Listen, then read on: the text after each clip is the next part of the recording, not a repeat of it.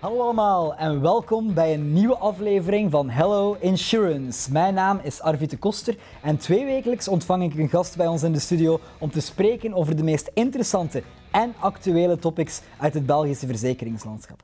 En vandaag doe ik dat met niemand minder dan Albert Verlinden, de CEO van ehm, BZB Fedafin. Albert, welkom. Dankjewel, Arvid. Uh, hartelijk eh, bedankt om eh, mij uit te nodigen. Yes, ik ben, ik ben zeer blij uh, dat u hier bent vandaag, Albert. we hebben in het verleden al een aantal andere mensen van andere federaties ook hier in de studio gehad. Dus u bent in goed gezelschap, zal ik maar zijn. Maar misschien voor de makelaars om mee te starten die, die jullie nog niet zouden kennen. Wie of wat is, is BZB? Ik, eh, ik, hoop natuurlijk dat er al zoveel mogelijk makelaars ons kennen. Uh, maar BZB Fedafin is de beroepsvereniging voor de zelfstandige tussenpersonen in bank, verzekeringen en kredieten. Ik vind het altijd belangrijk, je hebt het zelf ook al even aangegeven, Arvid, uh, de andere beroepsfederaties zijn hier ook al langs geweest. Het verschil tussen BZB Fedafin en een andere beroepsfederatie zoals FVF, VPRABEL of BVVM, is dat bij ons de focus ligt op de verschillende statuten. Wij vertegenwoordigen niet zo niet alleen de makelaars, maar wij vertegenwoordigen ook de agenten. Bankair, verzekeringen en ook in functie van hun kredieten.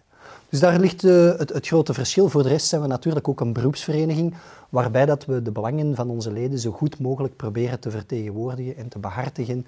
Um, dit op zowel collectief vlak als op individueel vlak. Ja, want haalt het net al aan, de belangen behartigen. Um, mocht er iemand dit, uh, dit gesprek bekijken en, en eigenlijk niet vertrouwd zijn met federaties in het algemeen, dat is jullie belangrijkste doelstelling? Of, of waar houden jullie zich voornamelijk mee bezig? Ja, ik zeg eigenlijk altijd dat we drie voorname pijlers hebben binnen BZB Fedafin. En dat is één, de belangenbehartiging op collectief en individueel vlak. Dat kan gaan over een probleem dat je op dat moment hebt met je, met je verzekeringsmaatschappij, met je principaal, um, dat je problemen hebt op het kantoor met, uh, met een arbeidsovereenkomst. Mm -hmm. Dat kan heel erg ruim gaan. Hè.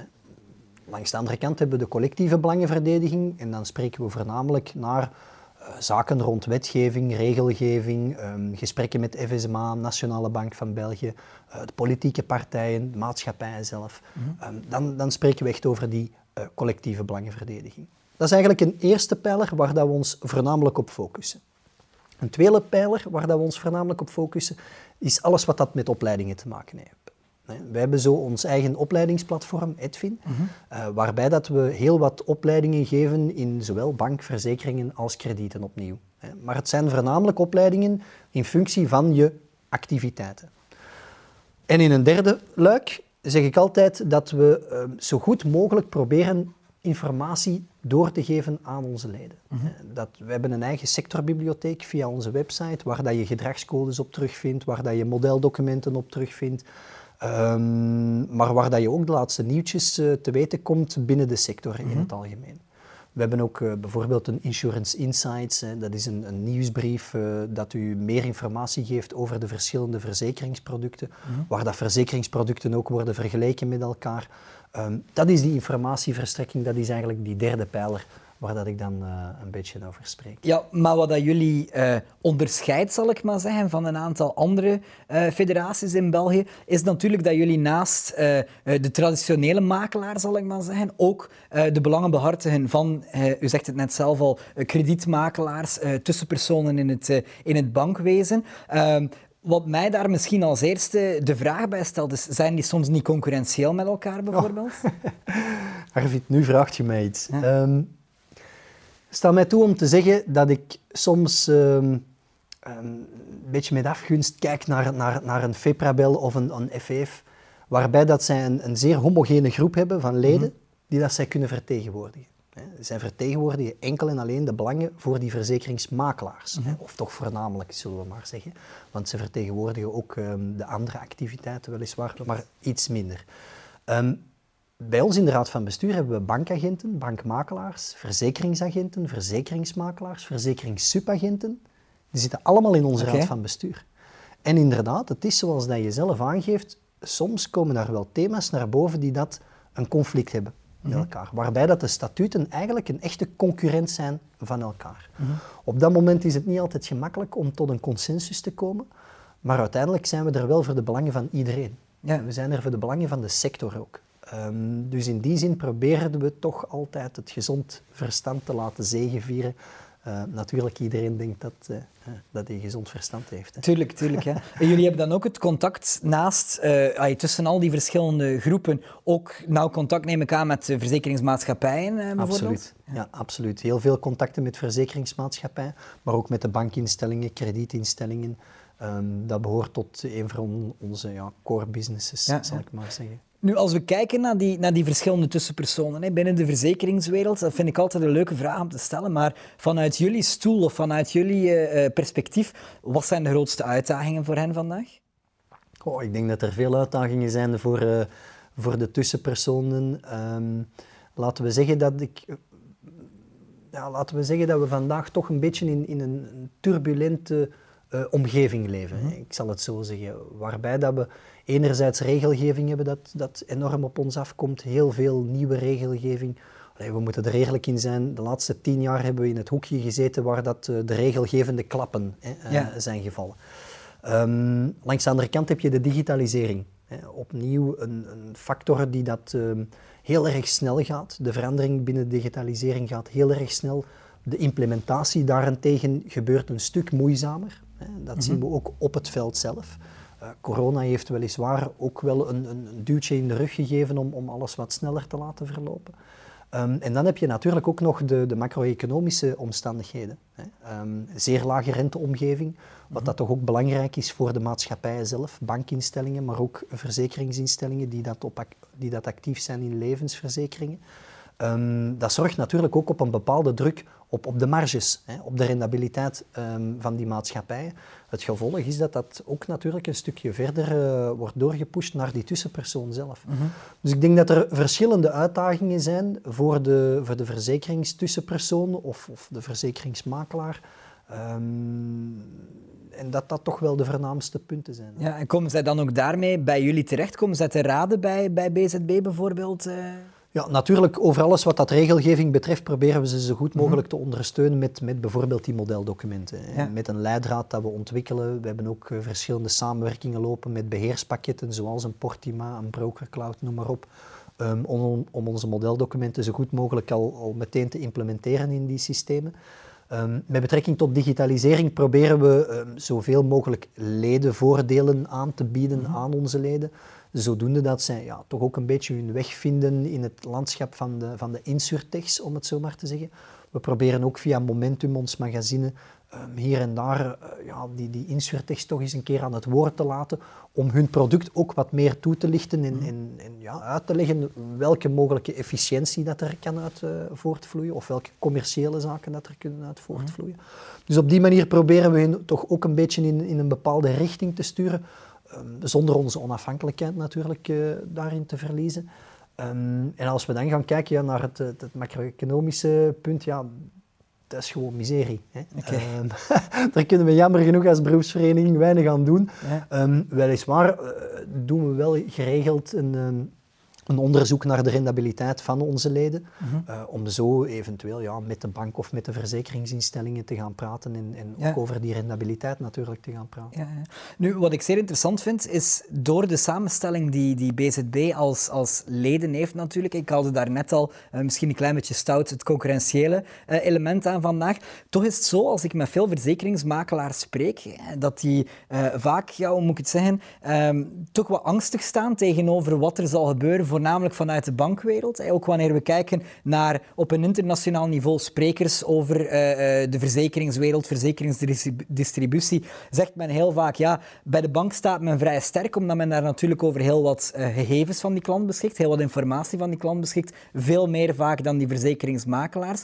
Ja, hoe kijken jullie daar naartoe bijvoorbeeld? Wie is daar uh, benadeeld?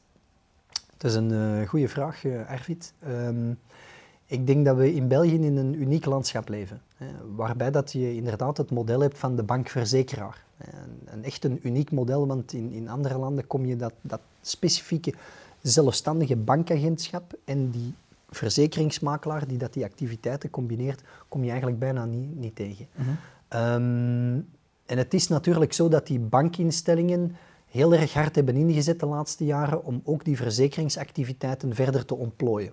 En, en met succes. Hè, met succes.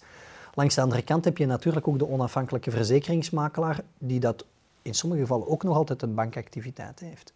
Ehm, de bank staat in alle eerlijkheid al een stukje verder met betrekking tot de digitalisering dan mhm. de meeste verzekeringsmaatschappijen. Het feit dat je als verzekeringsmakelaar ook onafhankelijk bent en eigenlijk niet voorzien wordt in alles wat dat met IT-systemen te maken heeft, ja, zorgt er natuurlijk wel een beetje voor dat je uh, puur qua digitalisering misschien een kleine achterstand hebt. Maar daartegenover heb je dan natuurlijk de insurtechs, hè, die dat uh, heel hard hun best doen om heel mooie, innovatieve producten aan te bieden. Zoals jullie zelf trouwens met, uh, met WeGroup. Um, ik denk dat die zaken noodzakelijk zijn voor de verzekeringsmakelaars om inderdaad die strijd rond die digitalisering zeker en vast te kunnen blijven voeren. Mm um, mochten die insurtechs er vandaag niet zijn, mochten de initiatieven zoals een Portima, een Brokercloud, jullie zelf er vandaag niet zijn, dan denk ik dat het heel moeilijk zou worden voor die uh, verzekeringsmakelaar die dat niet gelieerd is aan een bankactiviteit. Omwille van het feit dat de bank zelf natuurlijk heel veel budgetten steekt, net in dit soort van zaken, in die digitalisering, in het capteren van die data, in het analyseren van die data. Pas op, zover zijn we nog niet bij alle banken hoor. Mhm. Ehm, want het capteren en het uh, dan nog eens analyseren van data zijn nog, zijn nog twee uh, totaal verschillende zaken natuurlijk. Uh, maar ik denk dat dat, um, als we echt gaan praten over wie heeft hier nu een voordeel of wie heeft er hier nu een nadeel, um, dan zou ik eigenlijk eerder durven zeggen dat ze beiden een voordeel hebben. Okay. Ieder heeft zijn eigenheid. Een bankverzekeringsagent heeft, heeft, heeft zijn eigenheid en krijgt een aantal faciliteiten van, vanuit de instelling, waardoor dat hij zich meer kan focussen op, um, op de pure commerciële business. Een verzekeringsmakelaar heeft dan wat meer die onafhankelijkheid, um, kan iets breder op de markt gaan kijken naar welke tools dat er allemaal van toepassing zijn mm. en kan misschien zelfs hier en daar iets verder gaan. Wat dat ook weer een voordeel is. Maar hij moet er natuurlijk weer extra tijd in steken, of zij moet er um, wel extra tijd in gaan steken. Als verzekeringsmakelaar denk ik dat je toch nog iets meer um, wat ondernemersbloed in je moet hebben mhm. om, om effectief um, die volgende stappen te zetten. Ja, nu haalde daar net al even aan, uh, Albert. Uh, in het buitenland zien we die constellatie minder hè, tussen uh, bankagent en verzekeringsmakelaar bijvoorbeeld. Nu, als we naar het buitenland kijken, naar een aantal andere trends bijvoorbeeld, hè, neem nu even Nederland, daar zien we dat in de afgelopen jaren, hè, van de laatste tien jaar, het aantal makelaars bijvoorbeeld gigantisch gedaald is. Hè. Ehm, is dat iets wat u ook in België verwacht? Ik denk dat je in eerste instantie moet, uh, moet rekening houden uh, met het feit dat ze op, in Nederland op een gegeven moment een ban hebben gehad op commissies. Okay. Uh, um, alles in Nederland met betrekking tot de commissionering gebeurt in principe uh, volgens het principe van uurtje-factuurtje. Ja, in leven dacht ik toch? Hè? Um, in leven, ja, ja, excuseer, in leven. Um, maar dat heeft er natuurlijk wel voor gezorgd dat er heel veel tussenpersonen hun activiteiten hebben stopgezet. Mm -hmm. De rendabiliteit was er niet meer.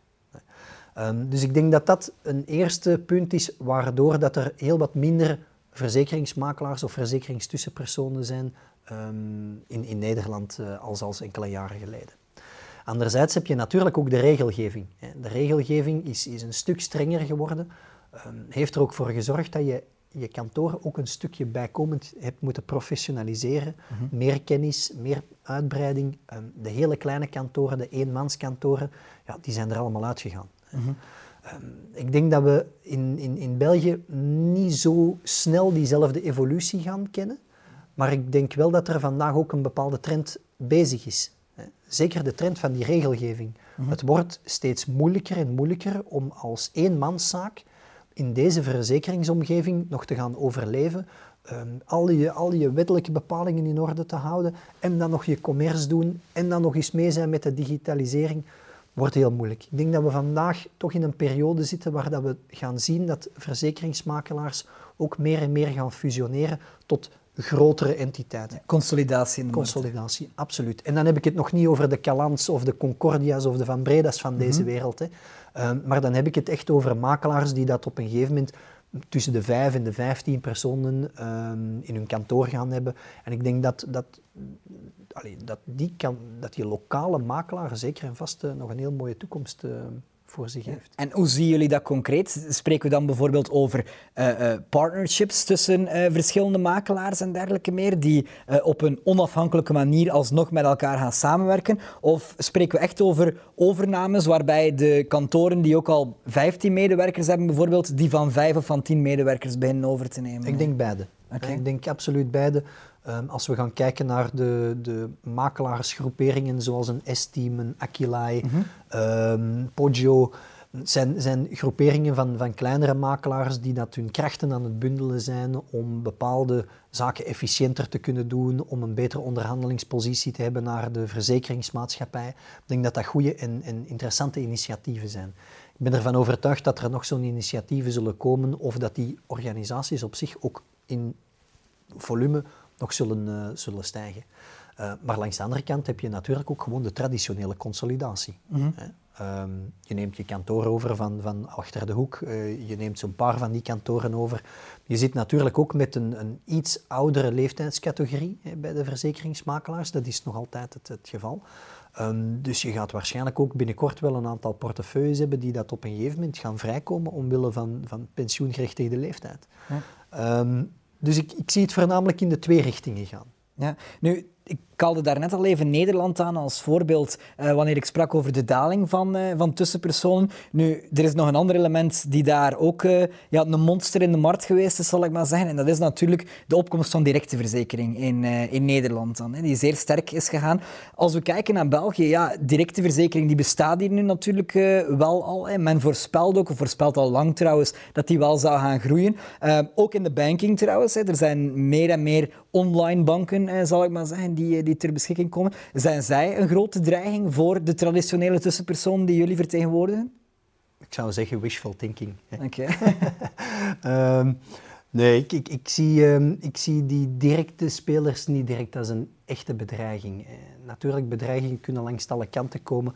Um, ben je een makelaar met, met uh, twee of drie personeelsleden. In, in straat verder uh, heb je een makelaarskantoor met, met 50 personeelsleden. Ja, dan, dan kun je dat, dat ook, ook bekijken een als, een, ja. als een bedreiging natuurlijk.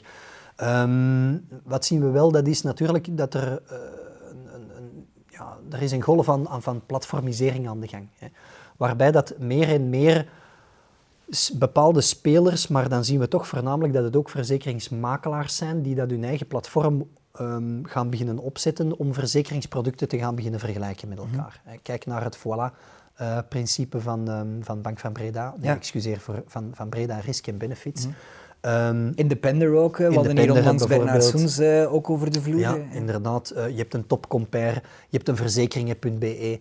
Allemaal platformen die dat hetzelfde doen, met name verzekeringsproducten in eerste instantie vergelijken met elkaar en daarna het product proberen af te sluiten.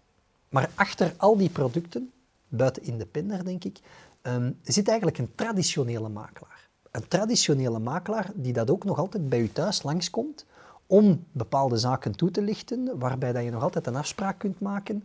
Um, in die zin is het geen 100% direct kanaal zoals bijvoorbeeld een Corona Direct mm -hmm. wel is. Maar ik heb het een aantal jaar geleden nooit eens tegen Corona Direct gezegd. Bedankt voor jullie fantastische resultaten. Want als dit de resultaten zijn van een, een, directe speler in de verzekeringssector, ja, dan moeten wij heel erg blij zijn als verzekeringsmakelaar, want dan duurt het nog 100 jaar vooraleer dat we zijn uitgestapt. Ja, wat was een reactie daarop? Uh... Dus ik kon er niet echt mee lachen, maar ja, kijk. dat dacht ik. het is wat dat het is, maar de resultaten spreken ook voor zich. Als je gaat kijken naar de studies van Assuralia bijvoorbeeld, dan is het, uh, het, het percentage dat direct wordt afgesloten, is echt marginaal nog altijd. Ja. En ze zijn er al jaren op aan het werken. Natuurlijk, België is echt een markt van die tussenpersonen. Bank en verzekeringen. Hoe komt dat?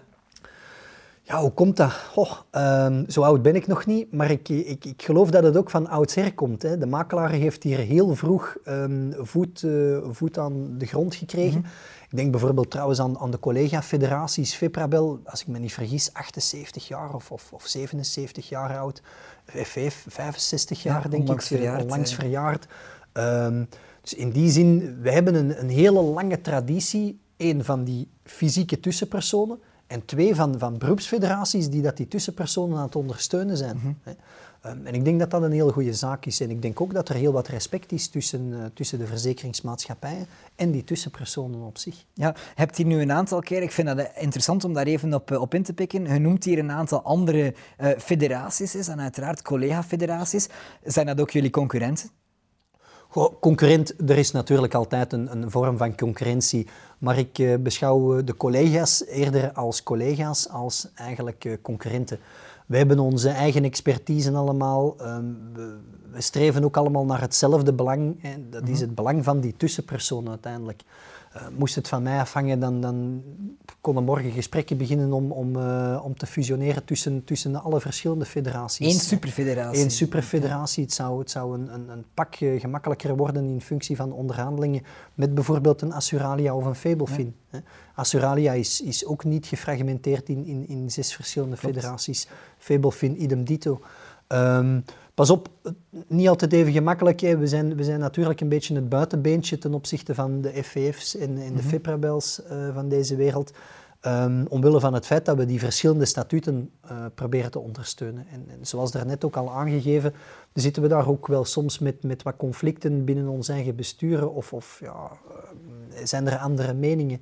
Dus ik, ik begrijp wel dat dat heel erg moeilijk zou liggen, maar op zich, ja, allee, samen sterk um, en, en, en, samen word je toch nogal sneller gehoord als, als helemaal alleen. Dus theoretisch gezien zijn jullie vragende partij eigenlijk om, eh, om, die, om te kijken of daar zo'n samenwerking, een nauwe koepelorganisatie we werken, we werken veel samen. Hè. Mm -hmm. um, ik denk dat uh, veel mensen dat niet weten. Maar um, wij overleggen, ik denk bijna op maandelijkse basis, uh, met de andere beroepsfederaties om toch onze standpunten gelijk te krijgen in, in functie van uh, onderhandelingen die dat we voeren met Assuralia bijvoorbeeld. Ja. Um, ik denk dat dat heel erg belangrijk is. Om echt uh, morgen te gaan fusioneren, ik denk dat dat morgen nog een, een brug te ver is. Maar net zoals dat er wordt geconsolideerd op, op op de werkvloer mm bij, de, bij de verzekeringsmakelaar, zou ik dat zelfs niet willen uitsluiten. Wie weet is bij deze de eerste steen eh, of de eerste stap gezet, uh, inderdaad. Pas op, ik heb zo wel eens een paar vliegertjes opgeworpen hoor. Ja, oké. Okay. Eh, bij deze nogmaals dan. Goed. Nu, wat mij wel opviel, uh, ik herinner mij, en nu spreek ik over net voor uh, heel het COVID-verhaal, jullie laatste event, zal ik maar zeggen, of een van de laatste events waar ik, waar ik zelf ook aanwezig was in, in Brussels Expo. Ehm, die was, ja, was zeer groot. Ik herinner mij ook dat jullie een de vrij omvangrijke auteur hadden uitgenodigd ja, toen. Taleb. Inderdaad, Skin in the Game heet het boek, denk Skin ik, als ik me Ja. En uh, de Black Swan natuurlijk ook. En de Black Swan, inderdaad. Um, nu, wat mij daar voornamelijk opviel als ik daar rondliep, dat was dat de, de, de standhouders waren voornamelijk um, fondsen, uh, ja. fondsbeheerders en dergelijke meer. Er was eigenlijk een heel grote focus, wat mij opviel in, in leven dan. Um, zouden we dat vandaag ook zien? Stel dat we kijken puur naar jullie stukje verzekeringsmakelaars als leden. Zijn dat makelaars met voornamelijk een focus op de levensverzekeringsproducten? Ik denk um, de reden waarom dat we, dat we ja, de reden waarom dat er bij ons voornamelijk een, een, een, een beeld hangt rond alles wat dat met spaar- en beleggingsverzekeringen te maken heeft, heeft vooral te maken met het feit dat we ooit jaren geleden zijn gestart als BZB, beroepsvereniging van de zelfstandige bankagenten. Mm -hmm. De realiteit is dat um, de beroepsvereniging, of nee, ik zal het anders zeggen, de realiteit is dat de bankagenten op een gegeven moment allemaal ook verzekeringsactiviteiten hadden. En in eerste instantie waren dat dan ook de spaar- en beleggingsverzekeringen die dat zeer belangrijk werden voor die zelfstandige bankagenten. Op een gegeven moment zagen we ook dat alles wat dat met BAR te maken heeft, dat ook die verzekeringen ja, meer en meer belangrijker en belangrijker werden voor onze leden. Um, en zo is het eigenlijk gegroeid dat we vanuit BZB hebben gezegd van ja kijk, nu moeten we onze deuren volledig opentrekken en moeten we ook die verzekeringsmakelaars beginnen ondersteunen, die verzekeringsagenten beginnen ondersteunen in hun verzekeringsactiviteiten, maar ook in hun kredietactiviteiten. Maar als we echt naar onze leden zelf gaan kijken, um, dan denk ik dat we van de, van de 2400 leden, dat daar 2400 verzekeringstussenpersonen in zitten. We hebben vandaag minder bankagenten als lid okay. als, als verzekeringstussenpersonen.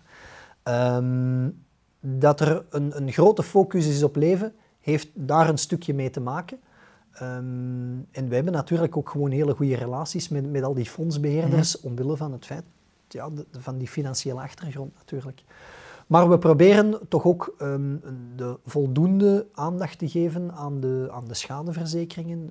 Ik heb het er net al aangegeven, we hebben ook een Insurance Insights, waarbij dat we echt wel schadeverzekeringsproducten met elkaar aan het vergelijken zijn. De autopolis van AG wordt vergeleken met die van Allianz, van AXA, mhm. van Balwaze.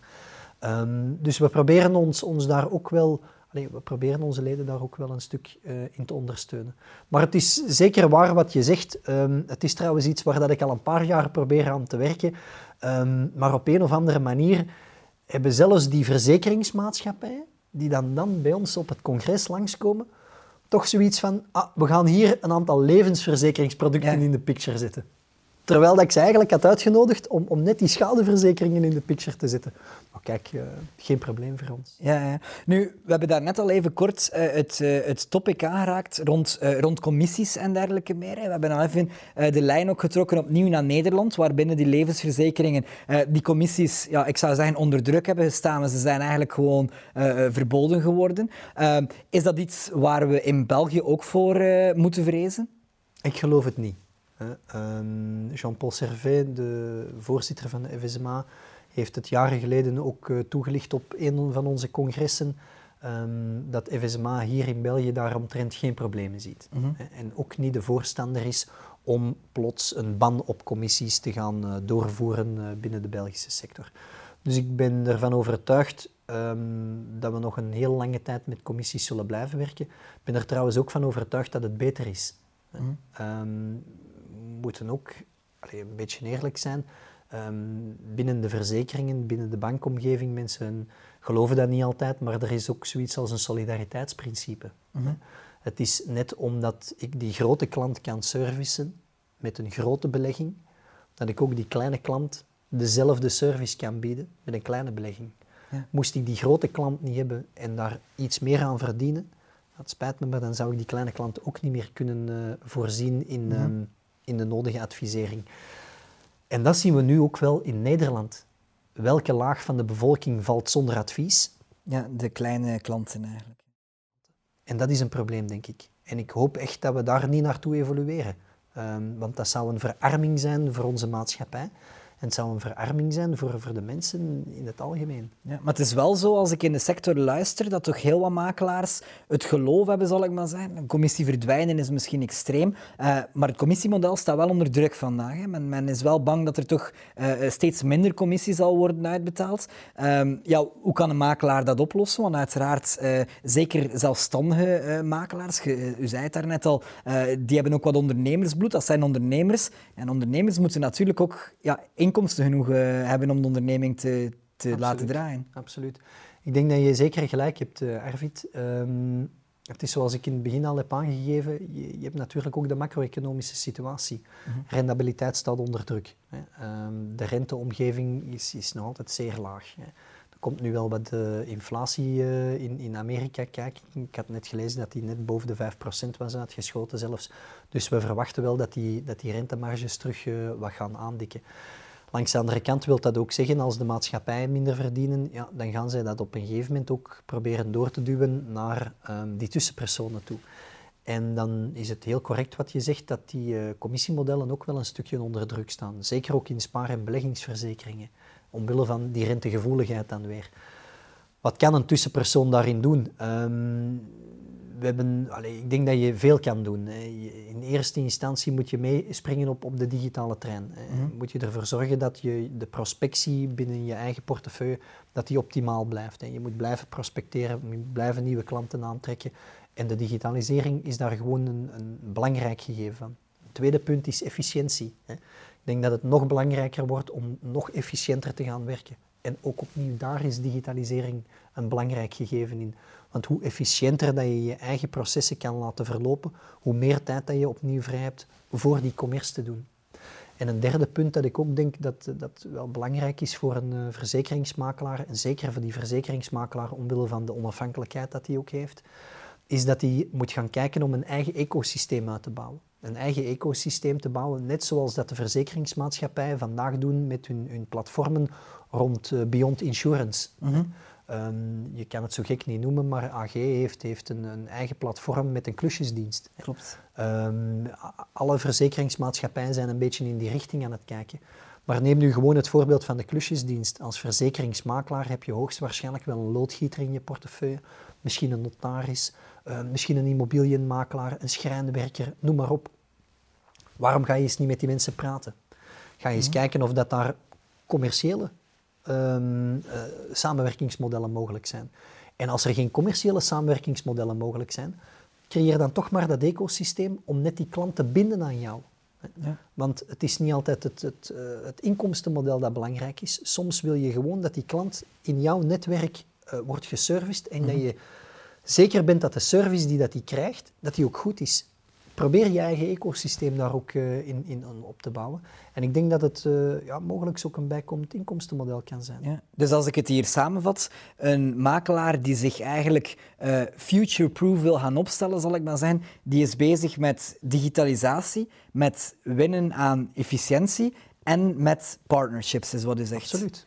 Alright. Dat is heel mooi samengevat, dank je. Ja, kijk, heel graag gedaan. Misschien als afsluiter, nu we toch spreken over future-proof. Um, Albert, hoe ziet de Belgische verzekeringssector eruit binnen vijf jaar? Wel, nee, toch niet. Ik heb uh, jammer genoeg geen glazen bol. Um, ik um, denk, zoals dat we al hebben aangehaald, dat er toch nog wel een, een wave van consolidatie op ons afkomt. Mm -hmm. ik hoop dat het, het stukje regelgeving klein beetje kan getemperd worden. Uh, hopelijk ook een beetje in Europa dat ze daar wat gaan temperen met de regelgeving. Ik hoop ook dat de marges terug wat gaan aandikken. Um, dus in die zin, ja, ik denk dat de, de, de makelaars op zich verder zullen blijven professionaliseren, wat dat ze trouwens al jaren aan het doen zijn. Uh -huh. um, maar ik zie het eigenlijk wel positief. Ik, ik zie dat uh, de markt er dat het nog altijd uh, ja, positief zal zijn voor die verzekeringstussenpersonen. En we zullen natuurlijk ook een stuk meer gedigitaliseerd zijn. Allee, dat, is, allee, dat is één ding dat, waar dat, ik wel zeer positief. Ja. Maar, maar dat, dat, is ook één ding waar ik toch ook 100% zeker van ben. Die regelgeving is meer een hoop. Hè. Mm -hmm. um, maar die digitalisering zal, zal sowieso een must zijn de komende vijf jaar. Ik hoor digitalisatie, ik hoor vooruitgang, ik hoor ja, toch heel wat opportuniteiten ook. Hè. We spreken daar net over die partnerships en dergelijke meer in de sector. Met andere woorden, um, ja, de toekomst ziet er eigenlijk naar uw woorden rooskleurig uit, mag ik begrijpen. Absoluut. Goed. Alright, perfect. Albert, hartelijk bedankt om hier vandaag aanwezig te zijn. U bedankt om mij vandaag te verwelkomen. Ja, heel graag gedaan. Zo, deze aflevering van Hello Insurance die zit er alweer op. Hebben jullie nog vragen voor Albert over die digitalisatie, over de toekomst of over eender welk topic die we hier net besproken hebben? Aarzel dan zeker niet om ze te stellen in de comments onderin dit filmpje. En dan rest mij enkel nog u te bedanken en ik zie u graag terug voor de volgende Hello Insurance.